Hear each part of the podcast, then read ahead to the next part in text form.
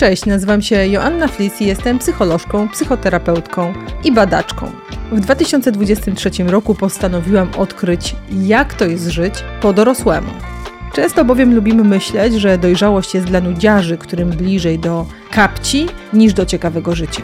Czasem wydaje nam się, że dojrzałość bierze się z wieku, a nie ze stanu umysłu. Ja uważam zupełnie inaczej i właśnie dlatego w drugiej serii podcastu Madame Monday przekonam Cię, że dorosłość zaczyna się, gdy odkrywasz, że życie rozczarowuje, a dojrzałość, gdy mimo to potrafisz przeżyć je dobrze. Przeżyjmy zatem je dobrze razem, po dorosłemu. Ten podcast powstaje dzięki patronom na Patronite, a mnie znajdziesz na Instagramie i na Facebooku pod hasłem psycholożka Joanna Flis. Cześć, dzień dobry, witam Was serdecznie w najnowszym odcinku podcastu Madame Monday po dorosłemu.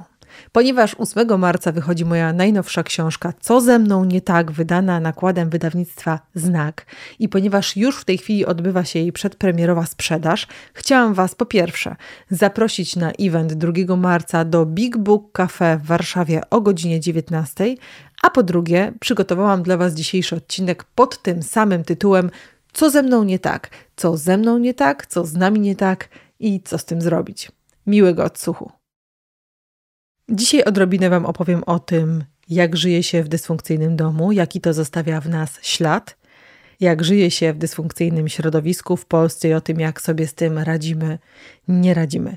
Taką książkę napisałam, taka książka we mnie wyrosła i taką treścią z Wami będę się w tej książce dzieliła. Początek historii związanej z napisaniem książki Co ze mną nie tak jest dość banalny. Po sukcesie książki Współuzależnienie wydawnictwo zaprosiło mnie do kolejnej współpracy, proponując objęcie swoim zasięgiem mentalnym tematu związanego z dysfunkcyjnymi domami. Wiecie o tym, że wielokrotnie wypowiadałam się i nagrywałam na temat DDD i w moim podcaście, i w podcaście Gutral Gada. To był taki punkt wyjścia do e, tej propozycji, ponieważ na co dzień pracuję z osobami DDD i DDA, z osobami z syndromem DDD i DDA, Natychmiast zgodziłam się na tę propozycję, choć naprawdę e, to wymagało ode mnie ogromu zmian, bo kolejna książka nie była mi tak szybko po drodze. Kiedy zaczęłam przyglądać się tematowi DDD i układać sobie w głowie listę schematów, które będę chciała w tej książce opisać, dotarło do mnie, że większość czytelników, osób, które sięgną po tę książkę, bez względu na to, czy wychowywała się w dysfunkcyjnym czy niedysfunkcyjnym domu, rozpozna się w jakiejś części tych schematów. I to zaprowadziło mnie trochę dalej niż dysfunkcyjny dom. Zaczęłam zastanawiać się nad tym, w jakich warunkach nam, obecnym 30, 40, 50-latkom, przyszło żyć. Jaka była tamta Polska? Polska okresu transformacji, Polska dzieci z kluczem na szyi, Polska z dziećmi, które tak jak ryby nie miały głosu, Polska, która fundowała nam wychowanie w szkole, która właściwie wychowywała nas do bezradności i bezsilności wobec wszystkiego, co się dzieje, do pełnego patos posłuszeństwa, jak nazywa to Mikołaj Marcela, który jest jednym z bohaterów mojej książki. I wtedy, kiedy dotarło do mnie to e, doświadczenie, to przekonanie, jakby może nawet wróciłam do własnych doświadczeń, poprosiłam uczestników grup, które prowadzę, o to, aby ze mną podzielili się historiami swojego dorastania, swoich środowisk, podwórek, nie tylko domów, ale także swoich szkół. Pamiętacie kiedyś na Facebooku nawet poprosiłam Was o to, żebyście opowiedzieli mi anonimowo w ankietach o tym, jakie było Wasze dzieciństwo, Wasze środowisko wychowania. I wtedy spłynęło do mnie bardzo, bardzo dużo różnych opowieści i opowiadań, włącznie e, z takimi pamiętnikami, które nie wiem, czy pamiętacie, ale kiedyś wszyscy wypełnialiśmy sobie wzajemnie. Mieliśmy takie pamiętniczki i tam się dokonywało takich, takiego wpisu. To były złote myśli najprawdopodobniej. Mm, albo takie pamiętniczki. Część tych pamiętniczków do mnie trafiło, ja zaczęłam sobie te pamiętniki przeglądać i dotarło do mnie, jakich my tam rad sobie wzajemnie udzielaliśmy. Jedna z rad znajduje się w książce, którą napisałam. To jest rada, którą dostała Kasia. Ale e, jest to wierszyk, który znamy wszyscy. Ciesz się wśród ludzi, płacz tylko w ukryciu, bądź lekka w tańcu, ale nigdy w życiu. I po przeczytaniu tych wpisów w tych pamiętnikach dotarło do mnie, że to nie może być tylko książka o dysfunkcyjnym domu. Że to musi być książka o dysfunkcyjnym środowisku i że my, jako pewne pokolenie, które zmaga się z rozwojem osobistym, z różnymi wewnętrznymi kłopotami, z różnymi przeszkodami, które trudno nam pokonywać, ale też z niedojrzałością, że my, jako to pokolenie powoli za musimy zacząć rozmawiać o tym, jakie było nasze dzieciństwo, jak my tę pałeczkę różnych nieprawidłowych zachowań przekazujemy kolejnym pokoleniom i w jaki sposób możemy wziąć za to odpowiedzialność. Więc pierwotnie książka, która miała być książką tylko o osobach z cechami syndromu DDD, stała się książką o nas, o naszym pokoleniu, o Polsce i o tym, e, z czym sobie radzimy, a z czym sobie nie radzimy. Wydawnictwo Znak bardzo chętnie przystało na tę propozycję i w ten sposób powstała książka pod tytułem Co ze mną nie tak? A dlaczego co ze mną nie tak? Kiedy Joasia Chmura udzielała mi wywiadu do tej książki na temat wstydu, bo Musicie wiedzieć, że połowa tej książki to wywiady z innymi osobami reprezentującymi nasze pokolenie, wywiady, które zgłębiają problematykę naszego pokolenia. Nazwałam sobie je wielogłosem pokolenia i Asia Chmura jest jedną z tych osób, które tego wywiadu udzieliły. Kiedy Asia Chmura udzielała mi wywiadu na temat wstydu, bo przecież wstyd jest jedną z takich najważniejszych, dojmujących emocji, która towarzyszy nam, pokoleniu milenialsów, Zetkom, ale też osobom, które wychowywały się w przestrzeni, która zawstydzała, to ciuś, ciuś, ciuś jest taką częścią narracyjną na temat tego, jak mamy myśleć o sobie, która wybrzmiewała mi gdzieś w głowie wtedy, kiedy tę książkę pisałam. Kiedy Asia Chmura udzielała mi wywiadu, w pewnym momencie obie wykrzyknęłyśmy takie zdanie, co ze mną jest nie tak w kontekście świata, w którym przyszło nam żyć.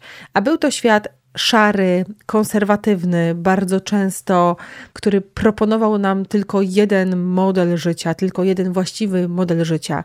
I w takim świecie, w którym wszyscy mamy myśleć podobnie, zachowywać się podobnie, czuć podobnie, gdzie wielu rzeczy nie można robić, mówić i myśleć, w takim świecie rzeczywiście bardzo szybko można pomyśleć o sobie, że jest coś ze mną nie tak.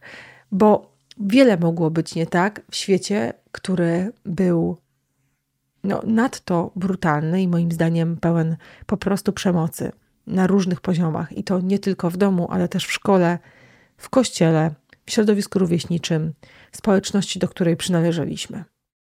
Co ze mną nie tak jest pytaniem, które prowadzi większość moich pacjentów, którzy przychodzą do mnie do gabinetu, a którzy mówią: Powiedz mi, co jest ze mną nie tak, że nie jestem w stanie cieszyć się z życia, mimo że mam sukcesy, cieszyć się ze związku, który mam, mimo że obiektywnie ten związek jest niezły. Co ze mną jest nie tak, że nie potrafię być matką taką, jaką chcę być, że nie potrafię być partnerką, partnerem? Co jest ze mną nie tak, że nawet jeżeli osiągam moje cele, które sobie wyznaczam, ciągle pojawiają się nowe, za którymi próbuję biegnąć. Co jest ze mną nie tak, że mimo, że powierzchownie mogę powiedzieć, że moje życie jest udane, ja skręcam się z bólu. Pamiętajcie, że jesteśmy też pokoleniem, które bardzo intensywnie doświadcza depresji i zaburzeń lękowych. To my jesteśmy tym pokoleniem, które czuje nienasycenie, które czuje brak, ale jesteśmy też tym pokoleniem, które uwierzyło, że no, można mieć wszystko że jak wystarczająco zadbasz o swój work-life balance, life-work balance, to wtedy będziesz mieć wszystkie elementy tortu zwanego życiem i bardzo trudno, a właściwie z wielkim trudem przychodzi nam przyjęcie, że tak nie jest. Z tego powodu, co ze mną nie tak, zostało ze mną na długo i stało się tytułem tej książki, sugerując, że mamy szukać w sobie, ale tak naprawdę punktem odniesienia do tych poszukiwań w sobie jest środowisko, w którym się wychowywaliśmy i nasze wspólne pokoleniowe doświadczenie. Być może jest też tak, że kiedy mnie słuchasz, to odkrywasz, że co ze mną nie tak jest pytaniem, które ciebie prowadzi. I tą książką zapraszam Cię do dyskusji na temat tego, czy rzeczywiście to, co uznajesz za wadliwe w sobie, niewystarczające, takie jest. Być może jest to tylko złudzenie, któremu wspólnie ulegamy, ponieważ jesteśmy wychowani do bycia perfekcyjnym, wyjątkowym, dzielnym, odważnym, pełnym ciągłego zaangażowania i pasji. Część z nas jest wychowana do bycia kujonem, do bycia wszechwiedzącą postacią, do nieodpuszczania, do wierzenia w to, że jak się coś robi, to robi się to albo dobrze, albo wcale. W dzisiejszym podcaście opowiem Wam o idei, która się zrodziła wraz z książką Co ze mną nie taki, która jest bardzo blisko bycia zdrowym dorosłym, dojrzałym dorosłym, który zaczyna zauważać, jak pracuje w jego wnętrzu historia niezaspokojonych potrzeb z dzieciństwa. Ale zanim to, przeczytam Wam wprowadzenie do książki, które napisałam, a które najbardziej obrazuje to, do czego chcę Was zaprosić i dlaczego tak bardzo zależy mi na tym, aby ta książka była punktem wyjścia do dalszych dyskusji.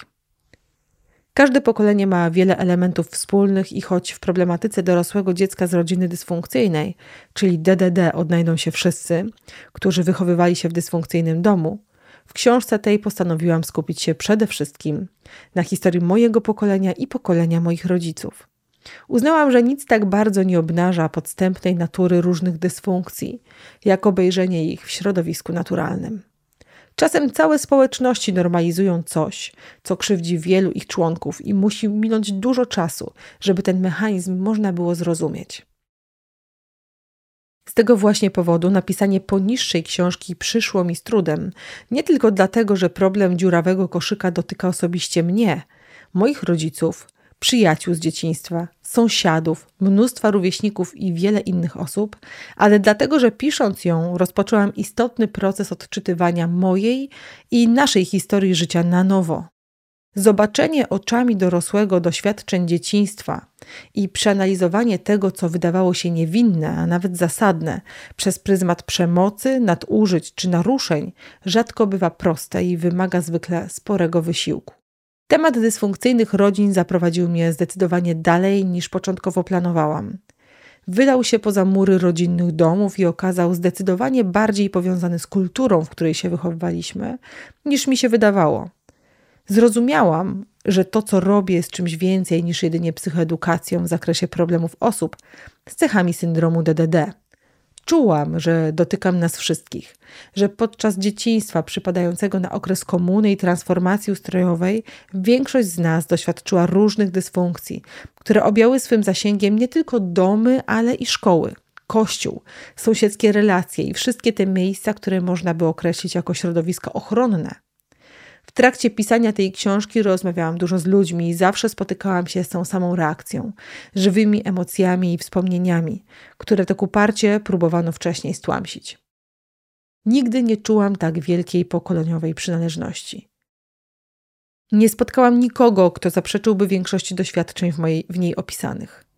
Co napawa mnie smutkiem, a jednocześnie nadzieją, że to, co znajduje się na powierzchni, może być zmieniane – przez cały okres pisania czułam, że robię coś ważnego. Coś, co być może uchroni jakąś część z nas przed przekazywaniem tej pokoleniowej sztafety kolejnym dzieciakom. Dlatego ta książka to nie tylko poradnik, ale zapis naszej drogi. Pisząc ją, wiedziałam, że charakterystyczne dla osób z cechami DDD poczucie, że jest z nami coś nie tak, to poczucie zbiorowe, dotyczące całego naszego pokolenia. W trakcie rozmowy z Joasią Chmurą wykrzyczałyśmy to chórem i od tamtej pory wiedziałam, że taki będzie tytuł tego poradnika. I rzeczywiście wiele mogło być z nami nie tak w czasach, gdy jedynym punktem odniesienia był szary, konserwatywny, nieznoszący krytyki samodzielnego myślenia i wątpliwości świat. Dziś powoli uczymy się, że bycie sobą jest dozwolone, że można żyć na różne sposoby, że można na różne sposoby kochać, że można wątpić, wierzyć albo i nie, że można wyrażać siebie i że rzeczy na tak jest jednak zdecydowanie więcej niż tych na nie.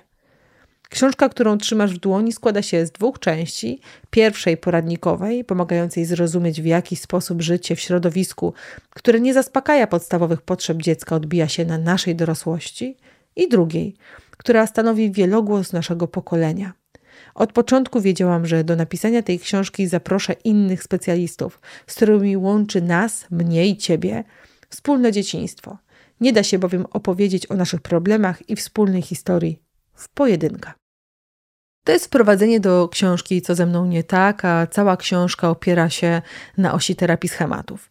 Zakładam w tej książce myślę, że bardzo podobnie do twórców terapii schematów, że niezaspokojone potrzeby z dzieciństwa zostawiają w nas trwały ślad. Ślad w postaci, ja to nazywam dziurawego koszyka, czyli potrzeby, która staje się w nas na stałe, nefralgicznie, niezaspokojona i wokół której potrafimy kręcić się całe życie. Istnieje osiem podstawowych potrzeb dzieciństwa, które niezaspokojone zmieniają nas na zawsze albo nie pozwalają nam dorosnąć, wyrosnąć, dojrzeć. To jest potrzeba bezpieczeństwa, potrzeby fizjologiczne, potrzeba poczucia własnej wartości, potrzeba przynależności, w tym więzi właśnie i relacji z innymi, potrzeba autonomii, autoekspresji, realnych ograniczeń i potrzeba adekwatności. Wokół tych potrzeb buduje osiem rozdziałów mówiących o różnych schematach, które się w nas pojawiają wtedy, kiedy nie mamy zaspokojonej tej potrzeby. Myślę, że dziurawy koszyk dotyczy większości z nas. Większość z nas na różnych etapach swojego życia czuje, że ma ciągle odzywającą się w sobie bardzo głęboko potrzebę, której nie da się zaspokoić. Z tego powodu podstawowym problemem osób z cechami właśnie syndromu DDD jest to, że dno ich koszyka pozostaje dziurawe. Dziury te powstają wokół potrzeb, których nie zaspokojono w dzieciństwie, i im bardziej dysfunkcyjny dom, tym więcej dziur mamy w sobie. I to jest pierwsza rzecz, której warto się nauczyć i którą warto sobie wiedzieć, a druga to taka, że najczęściej nigdy nie czujemy sytości w obrębie potrzeb, które w dzieciństwie zostały unieważnione albo w jakiś sposób niezaspokojone. Dziurawy koszyk jest bardzo specyficzny, bo cokolwiek się do niego nie wrzuci, to natychmiast wypada. I jest to jedno z najintensywniejszych doświadczeń osób z syndromem DDD, czyli nienasycenie. Nienasycenie może być melodią życia osób, które cierpią na cechy syndromu DDD. Możesz być w bezpiecznym miejscu w życiu, a nadal czuć niepokój. Możesz odnosić sukcesy w życiu zawodowym, a nadal czuć się niekompetentny. Możesz tworzyć udany związek, a nadal czuć się niekochana. Możesz być dobrym człowiekiem, a wciąż mieć poczucie winy. Możesz realizować swoje cele, a nadal odczuwać brak spełnienia. Możesz być fantastycznym rodzicem, a wciąż mieć poczucie wstydu. Możesz dbać o siebie i histerycznie bać się o swoje zdrowie, mimo że nic ci nie dolega. Możesz wiedzieć, że jesteś w toksycznym związku, a nadal dawać sobą manipulować. Możesz mieć rację, ale wciąż zgadzać się z innymi z lęku przed pomyłką. Dziury w dnie koszyka najczęściej organizują się właśnie wokół wymienionych potrzeb, ośmiu podstawowych potrzeb dzieciństwa. A cechy DDD stanowią taką naturalną konsekwencję ich frustracji, czyli sposób radzenia sobie z tym niedosytem. Osoba z cechami syndromu DDD cały czas poszukuje sposobu, jak poczuć sytość tam, gdzie nie ma dna. I w taki sposób niezaspokojone w dzieciństwie potrzeby przeradzają się w stan ciągłego niedosytu, a to sprawia, że osoby z syndromem DDD koncentrują się wokół własnych dziur, nadają im priorytet i nieświadomie poświęcają życie na zaspokojenie tego, czego nie dostały w dzieciństwie. Niestety, sposoby na zaspokajanie własnego nienasycenia mogą prowadzić do problemów psychicznych, naszych kłopotów. Utrudniają nam najczęściej koncentrację na innych płaszczyznach życia. Jak u osób np. cierpiących na pracoholizm, które zaniedbują życie rodzinne, albo osób patologicznie oszczędnych lub pedantycznych, które przez swoje zachowanie rujnują swoje relacje z innymi. Dziurawy koszyk tłumaczy, dlaczego osoby z cechami syndromu DDD tak bardzo różnią się między sobą. Każdy z nich bowiem koncentruje się na innej niezaspokojonej potrzebie. Ponieważ potrzeba, która nie ma dna, staje się w dorosłym życiu niemal zaspokojona, bardzo często wydaje nam się być ona najważniejsza. Na przykład osoby nieakceptowane przez rodziców mogą mieć akceptujących przyjaciół, partnerów i dzieci w dorosłości, a wciąż czują się niewystarczająco dobre. Albo osoby niekochane, mimo udanej relacji romantycznej, wciąż mogą czuć się zagrożone utratą miłości, niekochane wystarczająco mocno, albo w najgorszym razie niegodne miłości. Stąd potrzeba niezaspokojona w dzieciństwie staje się najważniejsza, wyznacza cele życiowe i priorytety. I bardzo często słyszę w gabinecie takie teksty od Was, to jest coś, co się przejawia non-stop. Jeszcze tylko zbuduję dom i będę szczęśliwa. Jeszcze tylko jeden awans i sobie odpuszczę. Jeszcze tylko schudnę 3 kg więcej i zaakceptuję siebie. Jeszcze tylko jedna lokata w banku i poczuję się bezpieczny. Jeszcze tylko raz poproszę ją, jego o dowód miłości, a uwierzę, że mnie kocha. Dno dziurawego koszyka to jest dno, którego nie da się załatać. Można je tylko rozpoznać i przestać organizować się wokół tego, czego nie da się zaspokoić. To nie znaczy, że mamy w dorosłym życiu zupełnie porzucić potrzeby związane z zaspokajaniem tamtych pragnień, ale to oznacza, że nie możemy oddawać życia za zaspokojenie i dostanie czegoś, co już jest nieuchwytne. Czasem wydaje nam się, że to, co jest nieuchwytne, jest dla nas właśnie najważniejsze. Ktoś mówi: Najważniejsza jest wolność, szukam jej za wszelką cenę. Tak powie ktoś, kto nie doświadczył w życiu autonomii. Ktoś, kto nie doświadczył w życiu poczucia bezpieczeństwa, może powiedzieć: Najważniejsze jest bezpieczeństwo w życiu, nawet kosztem braku rozwoju. Na przykład ktoś, kto nie doświadczył akceptacji, może powiedzieć: Najważniejsze jest to, aby coś znaczyć, nawet kosztem własnego zdrowia. Ktoś, kto w dzieciństwie nie mógł wyrażać siebie, powie: Najważniejsze jest to, by być sobą, nawet kosztem relacji z innymi. A ktoś, kto nie doświadczył stabilnej relacji z rodzicem, powie: Najważniejsza jest miłość, nawet kosztem samodzielności.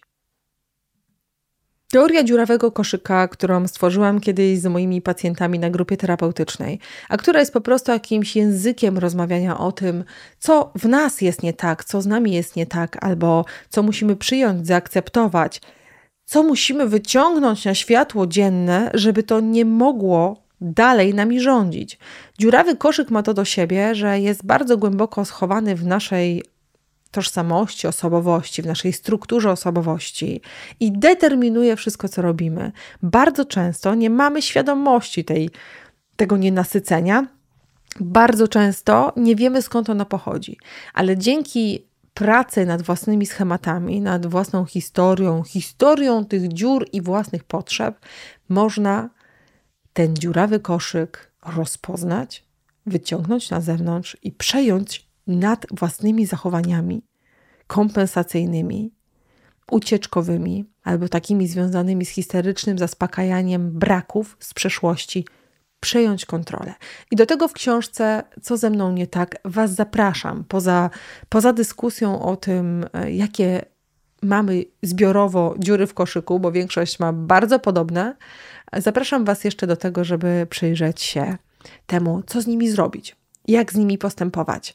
Pierwsza zaś rzecz, do której Was zapraszam dziś tym podcastem, to zajrzyj w siebie i w swoje motywy postępowania i zastanów się nad tym, czy nie ma czegoś, co jest według Ciebie ważniejsze niż cała reszta i za co jesteś w stanie dać się pokroić, co chcesz mieć za wszelką cenę, co sprawia, że często naruszasz inne obszary swojego życia i własne wartości. Żeby nie było tak dramatycznie, to nasza przeszłość odpowiada za naszą, nasze schematy w teraźniejszości, ale my odpowiadamy za to, czy ich używamy, i tego też Was w książce próbuję nauczyć w rozdziale pod tytułem Raz, dwa, trzy Baba Jaga patrzy.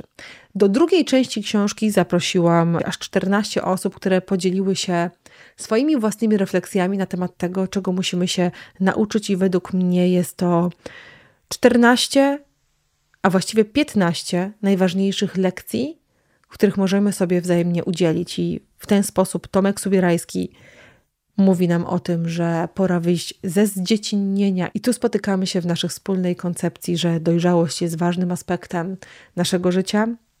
Przychodzi do mnie Mariusz Wirga, który mówi o tym, że nigdy nie przeskoczysz tego, co o sobie myślisz, przychodzi Asia Gutral, która mówi o tym, że pora pozbyć się dziecięcych oczekiwań i przekonania, że świat jest od tego, żeby robić nam dobrze.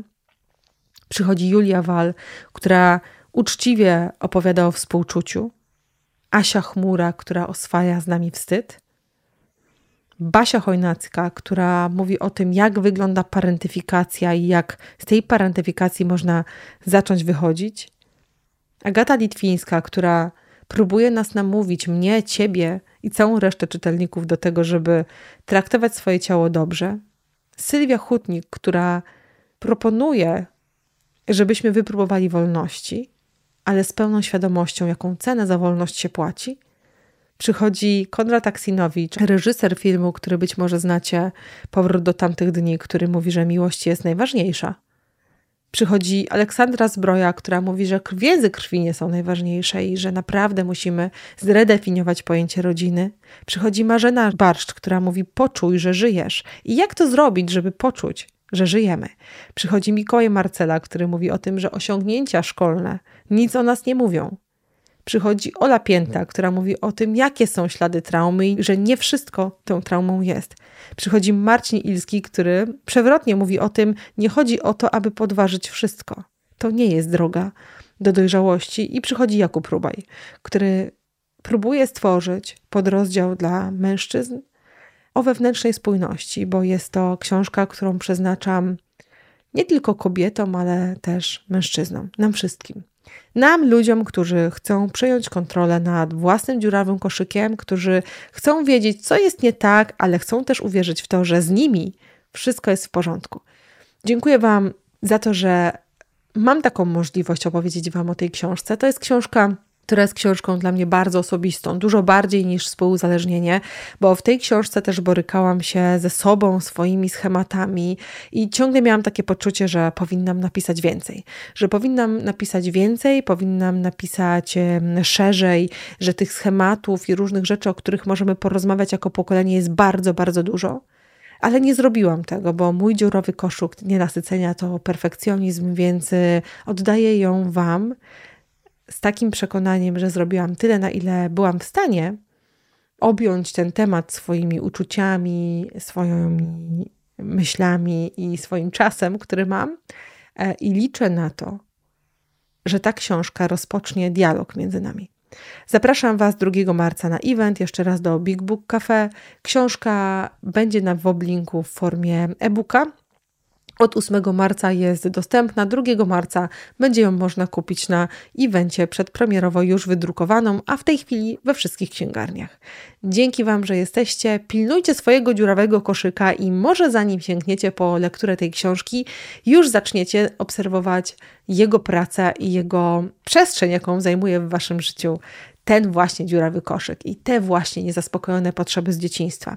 Najbliższe dwa, trzy tygodnie do premiery, czyli do 8 marca, moja głowa, moja dusza i moja aktywność w mediach społecznościowych i wszędzie będzie kręciła się raczej wokół e, książki i tematu DDD, więc zapraszam Was na wszystkie webinary, które się będą u mnie odbywać, w których będę wielokrotnie Wam opowiadała o tym, czym jest DDD, jak radzić sobie z dziurawym koszykiem, jakie mamy w sobie schematy i gdzie, w jaki sposób idzie się ku dojrzałości. Dziękuję Wam też za wszystkie tematy do podcastu.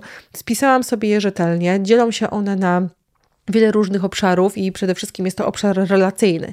Jak być z innymi, jak być z dziećmi, jak być partnerem, partnerką, jak być w miłości, w przyjaźni. I dla Was, specjalnie dla Was, e, wszystkie te tematy mm, podejmę, zaopiekuję. Zapraszam Was 19 do Radia Nowy Świat, gdzie będę razem z Elizą Michalik rozmawiała o książce Co ze mną nie tak.